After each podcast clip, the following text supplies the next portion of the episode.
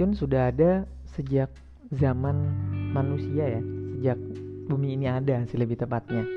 Dan pada tahun 2500 sebelum masehi pun banyak manusia yang pernah menyembah dewi racun pada saat itu.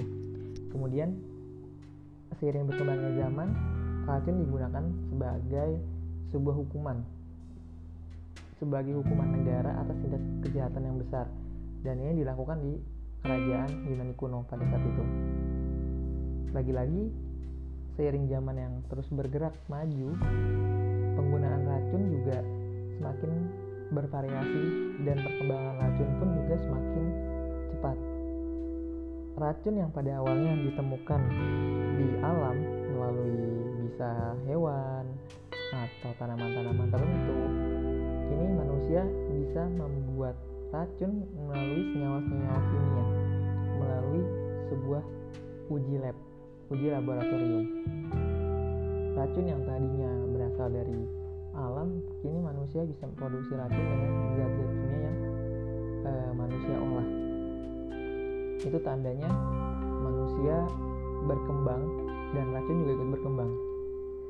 Namun yang uniknya di era saat ini racun juga ikut berkembang dan bermetamorfosis menjadi sesuatu yang lebih sempurna kalau menurut gue. Yaitu e, racun berubah menjadi makhluk yang bernama manusia. Kenapa gue bisa bilang e, racun berubah jadi manusia? Karena tanpa kita sadari ya banyak manusia yang sudah menjadikan dirinya racun bagi manusia lain.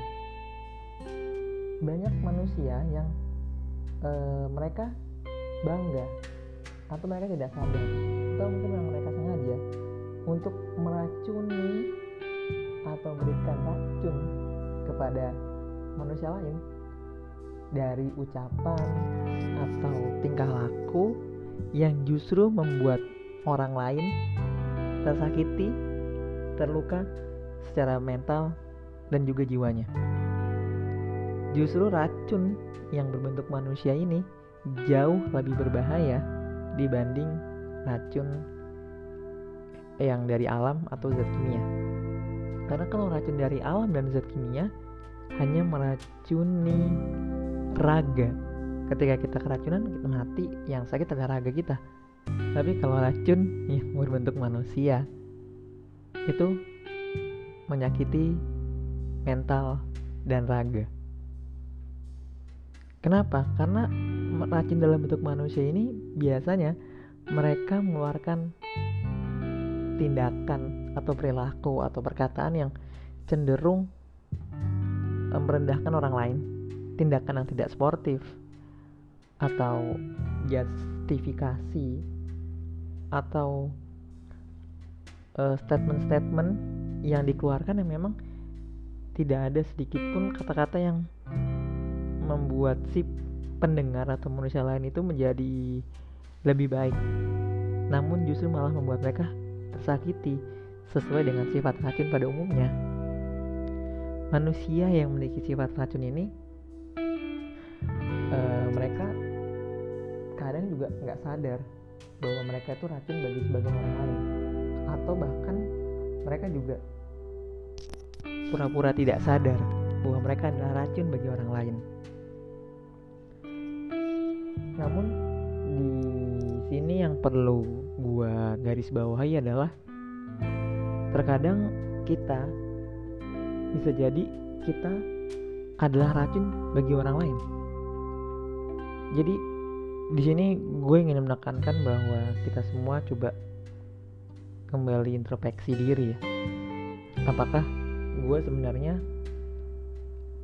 uh, penawar bagi orang-orang yang keracunan? Atau justru secara secara tidak sadar gue juga racun bagi orang-orang di sekitar gue? Dan ini yang menurut gue berbahaya. Karena kita nggak sadar bahwa kita adalah racun.